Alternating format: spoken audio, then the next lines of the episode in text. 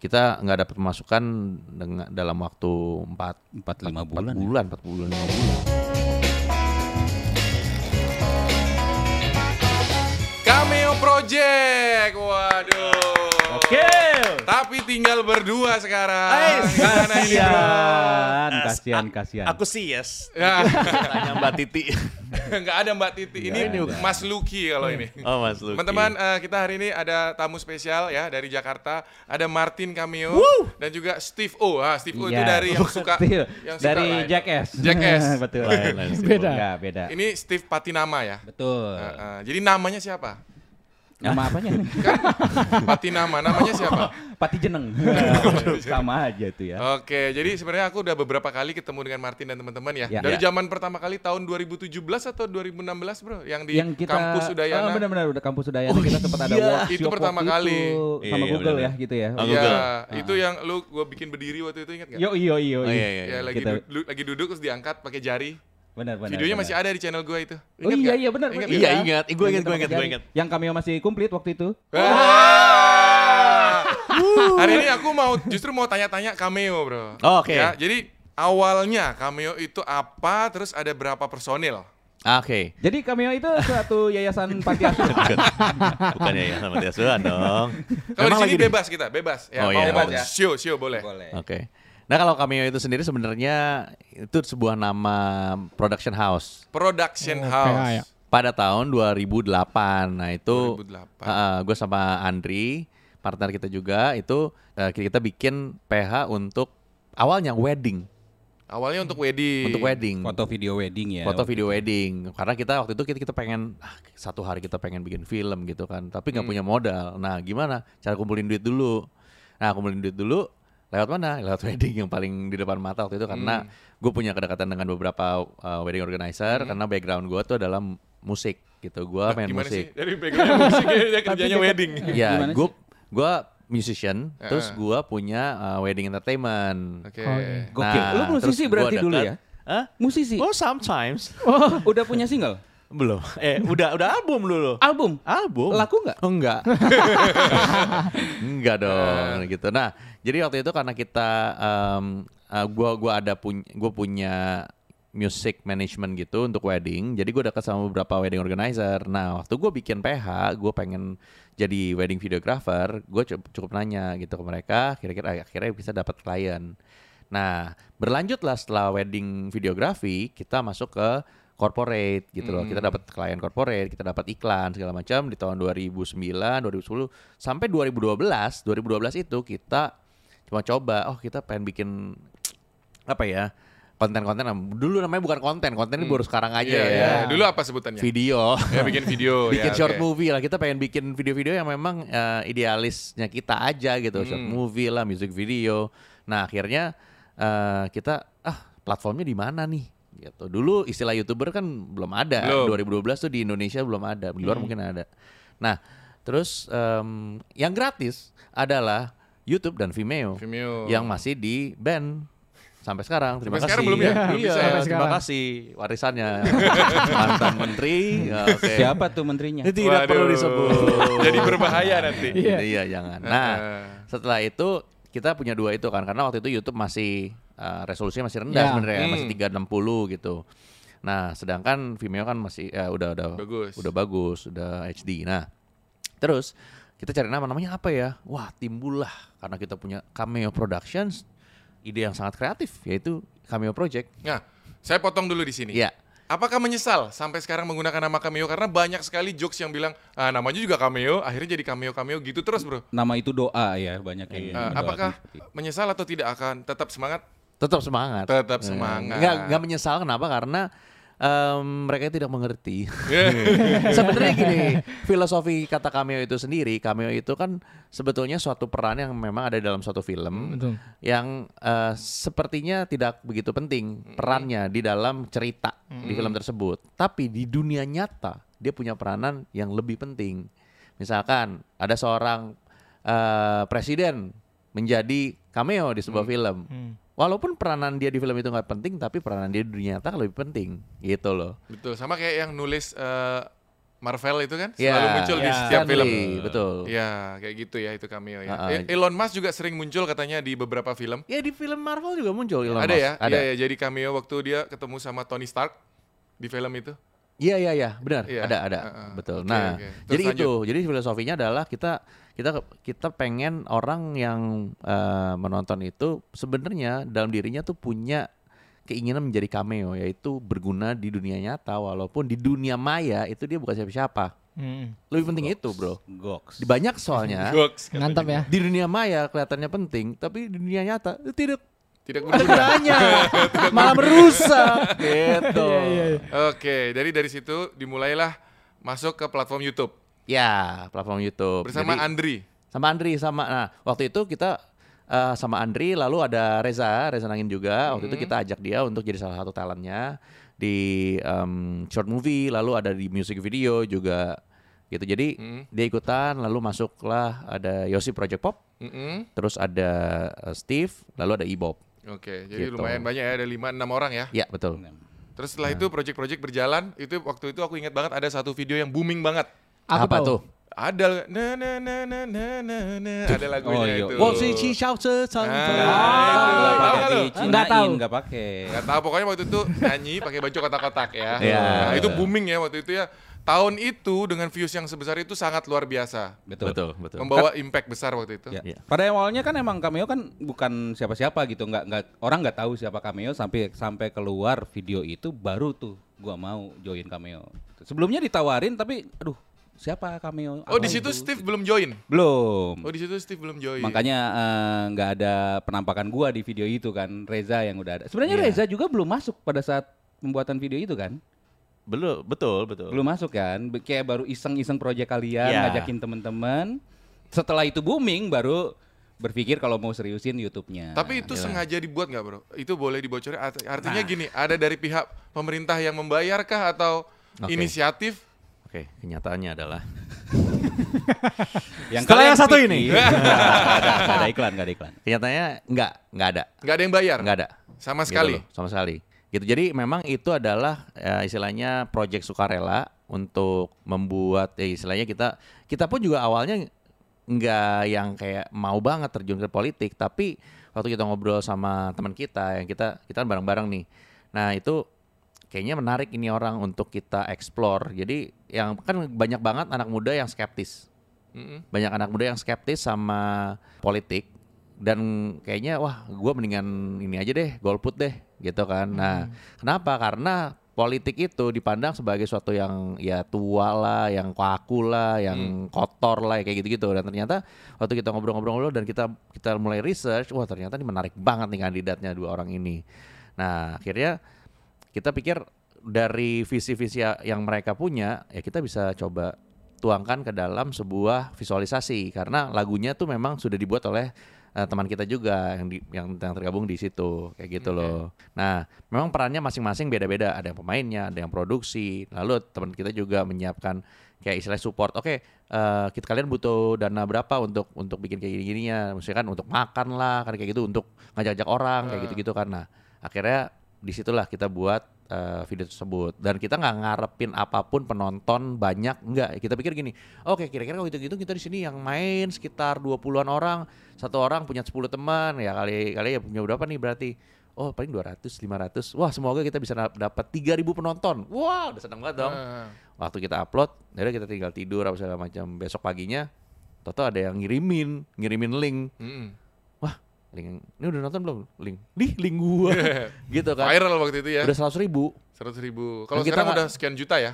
sekarang udah nah dalam waktu pada waktu itu ya menurut kita pencapaian yang lumayan tinggi buat kita at least eh, nggak nyampe seminggu itu satu juta Nggak nyampe seminggu. iya itu satu juta Waktu itu apa yang dirasain? Kan tiba-tiba nih viewsnya gede banget nih.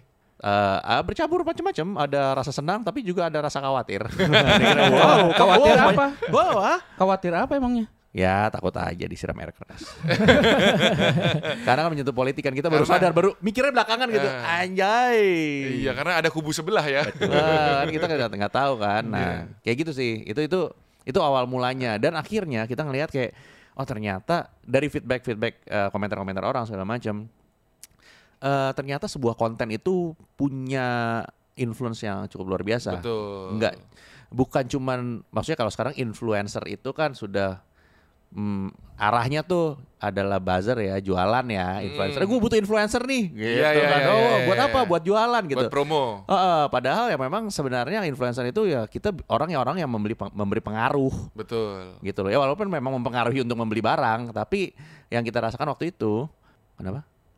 Oh, Nggak apa-apa artinya kirain lo kurang banyak gitu. ngomongnya. oh. Saya ada, saya mau tanya. Oke, Mas. Bukan, Dia Mas di sana.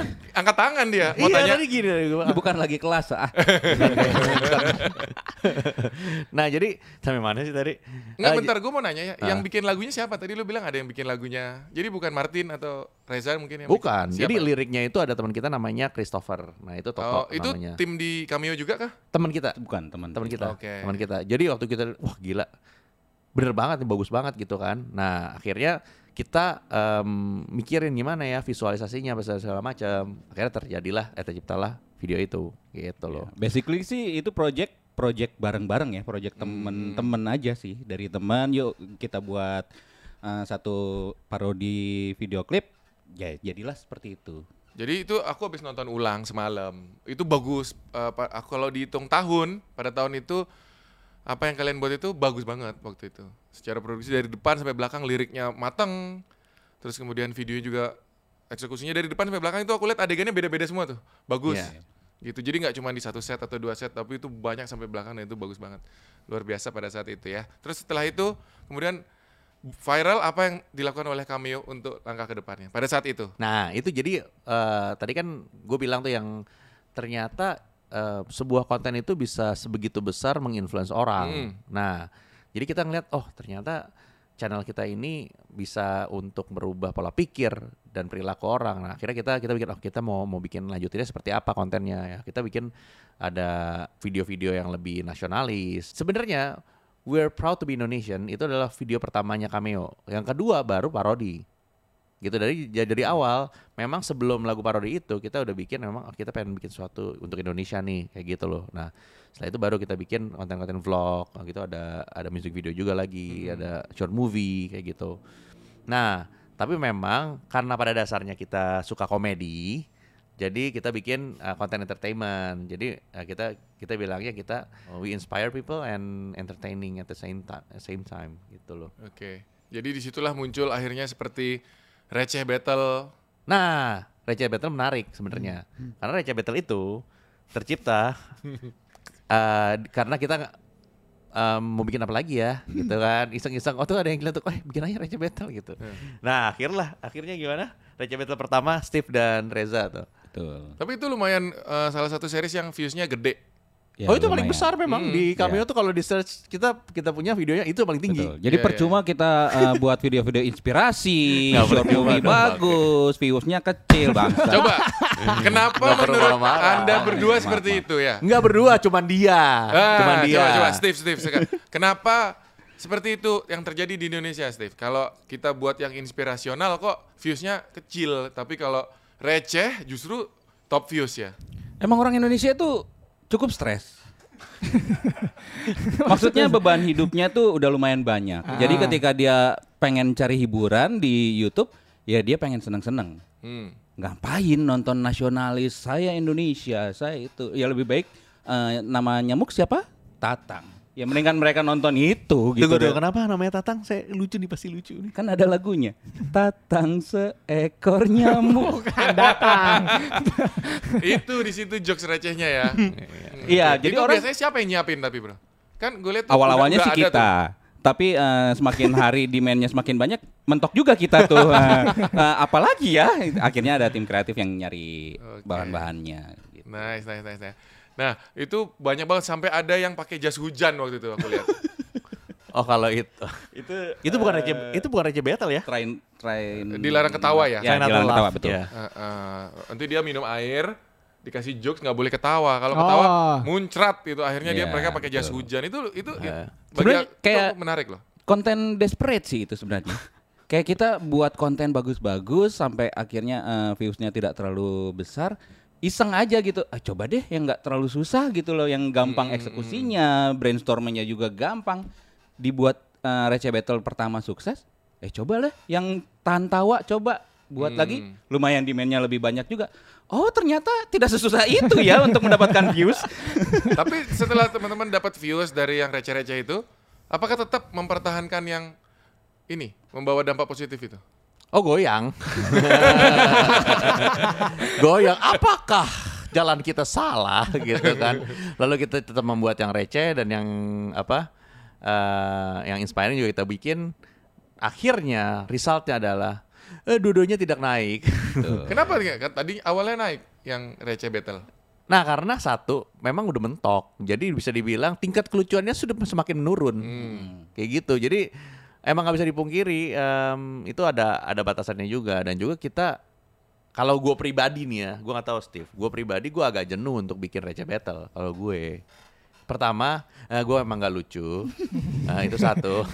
Yang kedua memang gue nggak ngelihat poinnya di penonton sebenarnya. Buat apa lu nonton? Udah, udah aja gitu loh Nah, gitu ya satu salah satu yang poin utamanya mereka nonton itu adalah untuk essence kita aja udah itu tapi kan diselingi maksud gua setelah lu bikin receh biasanya masih bisa dong bikin yang membawa Oh iya, baik. besoknya kita tetap bikin yang video-video nasionalis, Hmm. inspiratif. Viewsnya tidak banyak. Emang penonton penontonnya emang suka yang receh aja udah. Kenapa ya begitu ya? Karena ini kali ya, eh, tingkat pendidikan ngefek juga nggak? Atau ekonomi? Hmm, Eh, enggak juga karena ada beberapa ya orang yang gue kenal eh, bahkan bokapnya yang memang ya pendidikannya udah pasti ti- Bagus, eh. bagus memang orang itu bagus gitu dari keluarga yang oke banget suka banget receh battle gitu Iya Jadi mungkin eh, kalau yang gue simpulkan sih gue liatnya penonton Indonesia itu eh, pengen nonton yang nggak terlalu berat, Iya, nggak iya, mikir, iya, iya, yang ya udah ngalir aja, fun aja dia pengen ketawa, udah Ya, that's it. artinya orang datang ke YouTube mau lihat hiburan gitu Betul. ya. Iya. Ya, that's why itu eh, alasan gua dulu awal-awal naik gara-gara prank kan. Oh iya. Iya, Karena iya. bikin prank receh-receh gitu kan. Iya, iya, iya. Yang kayak pura-pura salaman ternyata salaman sama orang yang Sama ada di belakangnya. Iya, Iya, kayak gitu. Iya bener ya berarti. Kayak Iya. gitu. Dulu kan gua awal-awal gara-gara ini bro, naik mo- mobil kecil itu, jalan-jalan di jalan raya. Heeh. Berarti orang datang karena mau lihat hiburan. Pengen lihat Iya. hiburan sih. Oke, lanjut lagi ke Jadi- Cameo Project. Oke, ada mau disampaikan Steve? Enggak sih, maksudnya aman, statement kita aman Ah, dari cari aman. orang-orang Indonesia aman. dari apa Cukup aman-aman aja udah ya. Lanjut lagi ke Cameo ya. Tadi kan awalnya baru Martin sama Andri. hmm. Nah, gue juga sempat ketemu tuh beberapa kali sama Iya, Andri. iya. Setelah itu ada tadi teman-teman Yosi bergabung, Steve bergabung, dan Iya. Ibob. Iya. Selanjutnya bagaimana? Ke mana teman-teman itu sekarang? Eh, di Jakarta nggak ikut ke Bali Oh, nggak ikut ke Bali. Nggak, eh, nggak, nggak di Jakarta sih karena Reza sekarang ini dia lagi syuting eh, keliling Indonesia ya. Betul. Reza keliling Indonesia untuk bikin satu project gitu. Nah, em, basically karena satu waktu, waktunya udah semakin padat, jadi masing-masing udah eh, ini nggak nggak jadi prioritas. Hmm. Eh, nggak nggak ada yang salah sebenarnya karena kan orang juga punya prioritas masih hidup masing-masing kan Ah. gitu loh. Dan gue sendiri kalau di cameo itu karena memang dari awal em, gue punya visi gitu loh. Di cameo gue pengen bangun seperti apa pengen jadi seperti apa. Nah gue coba ambil eh, kendali oke deh gue coba jalanin nih cameo kayak begini gitu loh. Dan di masa pandemi kan lumayan parah banget tuh kita nggak dapat pemasukan dengan dalam waktu empat Empat lima empat bulan. ya? bulan, empat bulan, lima bulan. Dari mana nih? Dari PH-nya atau dari AdSense atau dari mana? Dari klien semuanya rata-rata pada nahan. Iya. Nahan duit Oh, dari semua. sponsor-sponsor lah ya. Ada beberapa yang cancel gitu-gitu Oke, oke, oke. karena perusahaannya tutup. Mohon maaf ya. Itu bukan Tidak saya cancel. sebut- tidak saya sebut Anda siapa. Ah, ah. gitu. Jadi empat bulan, lima bulan struggling lah. Ah, Terus, terus, struggling terus, gitu. setelah itu? Akhirnya kita tetap istilahnya gua ada masih ada Steve juga. Dan gitu em, kita jalanin tetap sambil cari-cari-cari akhirnya dapat picking up picking up picking up sampai sekarang akhirnya kita ya udah mulai naik lagi gitu Oke. loh untuk secara pemasukan kayak gitu. Itu dari luar YouTube maupun dari YouTube ya. Iya, betul. Nah, teman-teman itu maksud gue tadi belum terjawab tuh maksud Belum, jawabannya di Jakarta iya. Mana Reza? Gini gini. Cameo itu Mana Yosi? Cameo itu apakah eh, dalam bentuk manajemen kah atau bagaimana? Ah, cameo itu Jadi ketika kayak Steve bergabung apakah tanda tangan terus um, under Cameo nih Lu gitu. tanda tangan gak sih Tin? Nah, nih. Jadi gini, pada kalau di Cameo itu, Hmm. Cameo itu sistemnya adalah eh, kita ada salary juga. Mm-mm. Jadi em, yang ada di Cameo itu sekarang ya kita sistemnya gaji Iya, iya, iya. kayak gitu. Nah, karena kita sudah tidak sanggup membayar mereka semua dan juga mereka juga ada wak karena gini ada prioritas yang memang kayak Yosi. Yosi kan udah mulai emang udah masuk ke dalam eh, apa istilahnya pemerintahan kayak gitu kan si berkreasi dan sekarang dia juga masih sibuk sama project pop gitu. Jadi emang prioritasnya di sana kayak gitu. Nah Ibob juga dia sekarang udah berkarya sendiri. Nah kita ngelihatnya juga oh ya udah kalau memang lu lebih lebih maksimal di sana nggak masalah banget gitu loh Sebenarnya bukan karena bukan karena duit sih, sebenarnya bukan karena penghasilan sih. Lebih ke idealisme aja sih gua liatnya. Oh tapi kalau saya mampu membayar mereka 200 juta Ya mereka balik dong. Mereka kembali ya pasti ya. ya sudah pasti nggak kita, sanggup kita dong ke cameo aja kalau 200 juta gajinya. Iya. dolar Zimbabwe Jadi sekarang Ibob eh, sibuk sendiri ya. Makanya saya nonton TV kok Ibob sendiri nih. Iya. Gitu kadang-kadang. Iya, betul. Ibob. Yosi juga ini sibuk di TV yang acara ekstrim-ekstrim games. Sebenarnya kalau emang masih kalau enggak ya dulu itu ya. Nggak, dulu itu kalau untuk ke TV dan ke film sih pada awalnya memang bener loh kata orang itu eh, industri itu akan menghancurkan sebuah grup tuh bener loh. Awalnya kita eh, masuk tapi bukan TV itu- gara-gara TV dong bang bukan gara-gara TV juga Menurut gua gara-gara TV. Coba- coba Namanya, gimana? waduh enggak. Kenapa- kenapa? Awalnya kita punya program berempat di salah satu stasiun TV swasta sebut aja Trans TV ya. Iya, oke. Ah. Ya, gue pernah nonton tuh, ya. Ya, itu berempat. Mm. Setelah jalan beberapa puluh episode, se- programnya bungkus. Habis itu dua orang ditarik ke mana, satu orang di program apa, satu Ibob nganggur. Nah, maksud gua itu ketika terjadi dua orang ditarik ke sini, satu orang tarik sini, apakah harus melewati persetujuan Pak Martin atau rembuk cameo atau Enggak mereka sih. bebas aja? bebas Bebas, sebenarnya. benar. Oh. karena dan, dan juga sebenarnya nah eh, waktu kita masing-masing kita dapat job di TV kan kita tetap bikin konten di YouTube. Jadi maksud gua permasalahan utama itu bukan masalah TV itu. Enggak, permasalahannya adalah ketika jadwal yang padat dikasih TV dengan eh, beda-beda program itu yang membuat kita akhirnya sulit untuk buat konten bareng lagi sebenarnya itu karena kebutuhan itu tadi yang kita nggak bisa bendung gitu. iya iya iya Terus masuk gua- akal Iya iya, aman aman, cari aman.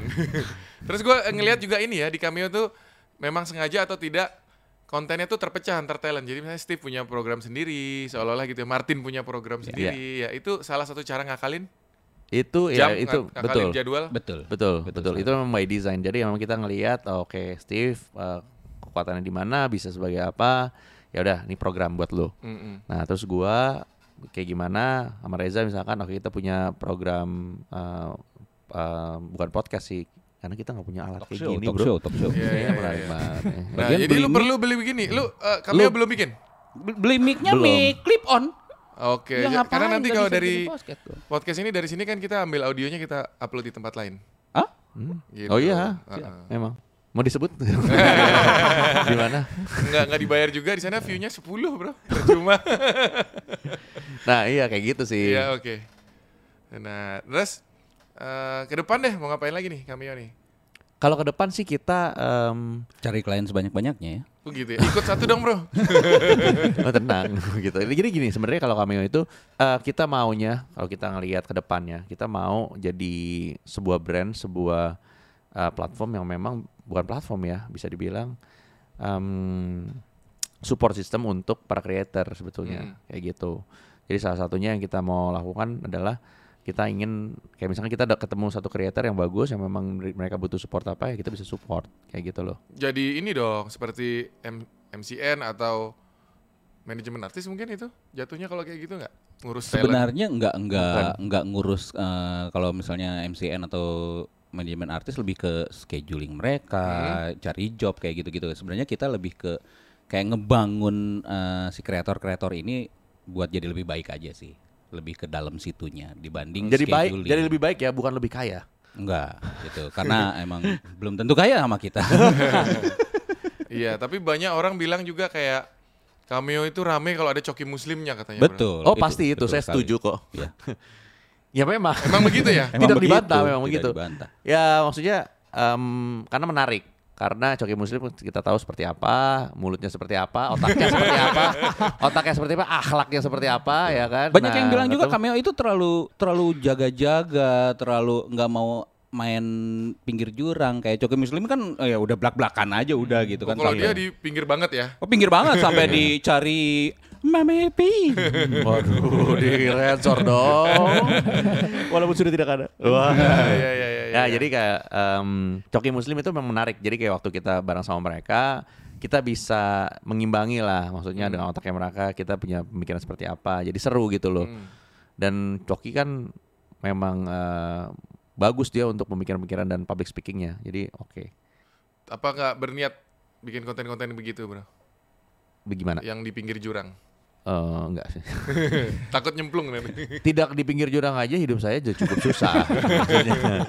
Masih banyak yang perlu dipikirkan, eh, ditambah Enggak lagi di lah. pinggir jurang. Enggak lah, kan Bapak nggak susah. Job banyak, masih banyak kan. Oh iya. Amin. Project-project masih banyak. Amin. Tapi yang Aman. dipertaruhkan cukup banyak. Iya betul. Nah, karena kan saya mempertaruhkan ya kantor, karyawan, keluarga. Bener, gitu. sama kayak saya juga begitu. Ya Kita kan? main harus aman. Iya, Sama. itu dia. Tim banyak, keluarga banyak ya kan. Ikan makanya. Coba deh, eh, dari cameo deh yang sudah senior banget kan, eh, udah Oke. bertahun-tahun di YouTube. Coba kasih ini ke pen- penonton ini.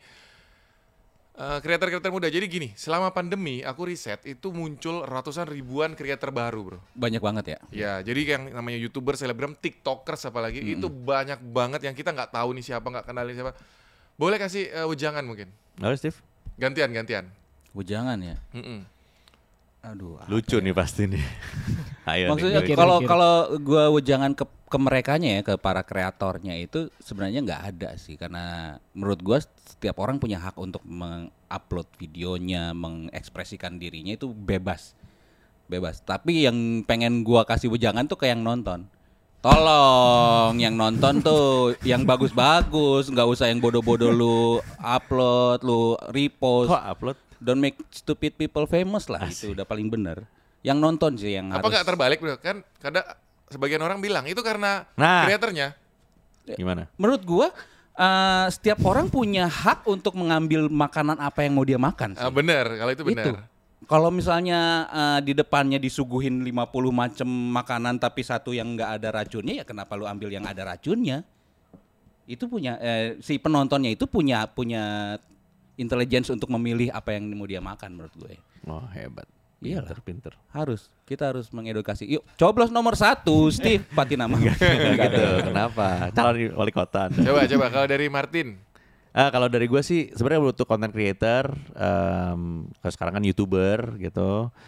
Em, balik lagi, tujuan anda untuk menjadi youtuber atau content creator seperti apa? Untuk buat apa? Apa cari duit, cari popularitas? Nggak ada yang salah. Nah tapi balik lagi, apakah itu yang emang lu suka? Karena gini, kalau lu maksain sesuatu, melakukan sesuatu, menjadi sesuatu, menjadi seseorang yang emang lu sebenarnya nggak suka, tapi karena orang-orang trennya lagi ke sana, kelihatannya banyak dapat duit. Kalau lu mentok nih, lu menemukan satu kayak, ah, itu gua kayaknya nggak mendapatkan apa yang mereka dapatkan. Nah, kalau lu emang nggak suka apa yang lu lakukan, lu akan mundur. Terus ngapain buang-buang waktu? Mendingan temukan apa yang lu suka dulu. Lu sukanya apa? Kalau lu sukanya bercocok tanam, ya lu bercocok tanam. Nggak harus bikin konten. Ingat maksudnya jadi content creator itu bukan jadi bukan sebuah kewajiban gitu untuk anak muda. Oh lu nggak keren lu kalau nggak punya ak- akun Instagram atau punya channel YouTube, lu nggak keren. Sekarang kan seperti itu sekarang. Lu udah punya channel in- akun Instagram nggak? Ya kasarnya gue adalah orang yang memang bukan orang sosial media banget gitu. Hmm. Kalau ngeliat Instagram gue, gue ngepost agak jarang gitu loh. Nah emang gue nggak nggak gitu suka. Cuman kalau ada brand aja gitu loh. Nah, berarti duit dong kalau Iya, begitu. Memang karena gue udah dapat duitnya duluan, ngerti gak? Bukan gue dari eh gue nggak punya akun ini, ah gue pengen bikin ah gitu. Iya, iya, Nah iya. tapi Instagram kan gampang bro. Kasarnya nih, lu nggak sukses Instagram, lu nggak stres-stres amat, Mm-mm. lu nggak akan jadi, oh gue cita-citanya jadi selebgram gitu. Nah kalau misalkan eh lu cita-cita, oh karena kakak-kakak youtuber semua kayaknya kaya-kaya nih, duitnya mm-an nih, bisa beli mobil yang harga berapa m gitu kan, murah banget gitu kan. nah maksud gue gini, kalau mindset mereka itulah kesuksesan, waktu mereka nggak dapet itu jadi apa? Stres. Anak kecil jadi apa? Stres dong. Stres. Yang susah siapa? Semuanya, Ya bro. makanya. Heeh. Nah, itu maksud maksud gua. Jadi karena konteksnya adalah pesan untuk eh, yang memang menjadi content creator yang banyak banget nih yang baru Hmm. mu- baru muncul gitu loh. Tapi balik lagi ya keberuntungan kan tidak ada yang tahu. Iya. Ya kan bakat kalau misalkan ada orang yang gua nggak tahu tapi gue sukanya apa. Ya itu memang wajib ya coba aja semuanya daripada lu nganggur kayak gitu. Balik lagi ini semua eh, diserahkan ke lu sendiri tapi at least jangan sampai lu telat menyadari itu dan akhirnya lu bete sendiri, lu depresi sendiri itu bodoh banget kalau lu depresi sama sesuatu hal yang memang lu udah antisipasi sebenarnya. Oke, ya itu tadi ya. Jadi pesannya dari Martin. Kalau dari Steve tadi pesannya buat penontonnya katanya. Kalau ada racun jangan ditonton, pilih yang tidak ada racunnya. Jadi kita yang menentukan. Kalau ada yang negatif jangan di like, jangan di share gitu ya. Kalau dari Martin tadi pesannya adalah saya lupa bro, dua nasi padang ya sama apa? tadi? Beda soalnya kalau guru nggak dikasih advice dua. tuh panjang banget. Ya kalau gue sesimpel kalau emang lu Temukan dulu apa yang lu suka Iya, gitu ya. Betul. Gitu. Kalau memang jadi youtuber bukan suatu yang lu suka gitu, bikin konten banyak gitu. Kak, aku bikin konten tapi nggak ada yang nonton gimana ya? Ya. Eh, lu bikin konten bukan buat ada yang nonton. Hmm. Lu suka nggak sama konten yang lu bikin? Kalau lu suka ya udah nggak apa-apa lu upload gak ada yang nonton nggak apa-apa. dong. Betul, itu betul. Kalau yang itu aku setuju banget. Itu dia teman-teman ya. Oke, sukses terus buat Cameo ke depannya. Sukses Semoga juga, sukses banyak proyeknya terus dan bisa makin jaya lagi lah. Ya. Ya. By the way ini kita tahun terakhir di cameo nggak deh. Oh mau ikut-ikut kayak skinny ya? Iya abis langsung naik. Ada. Cameo harus gitu. Nggak ada jangan yang setahun, jangan setahun kalau gitu. Skinny kan padahal- setahun. Kalau lu lebihin.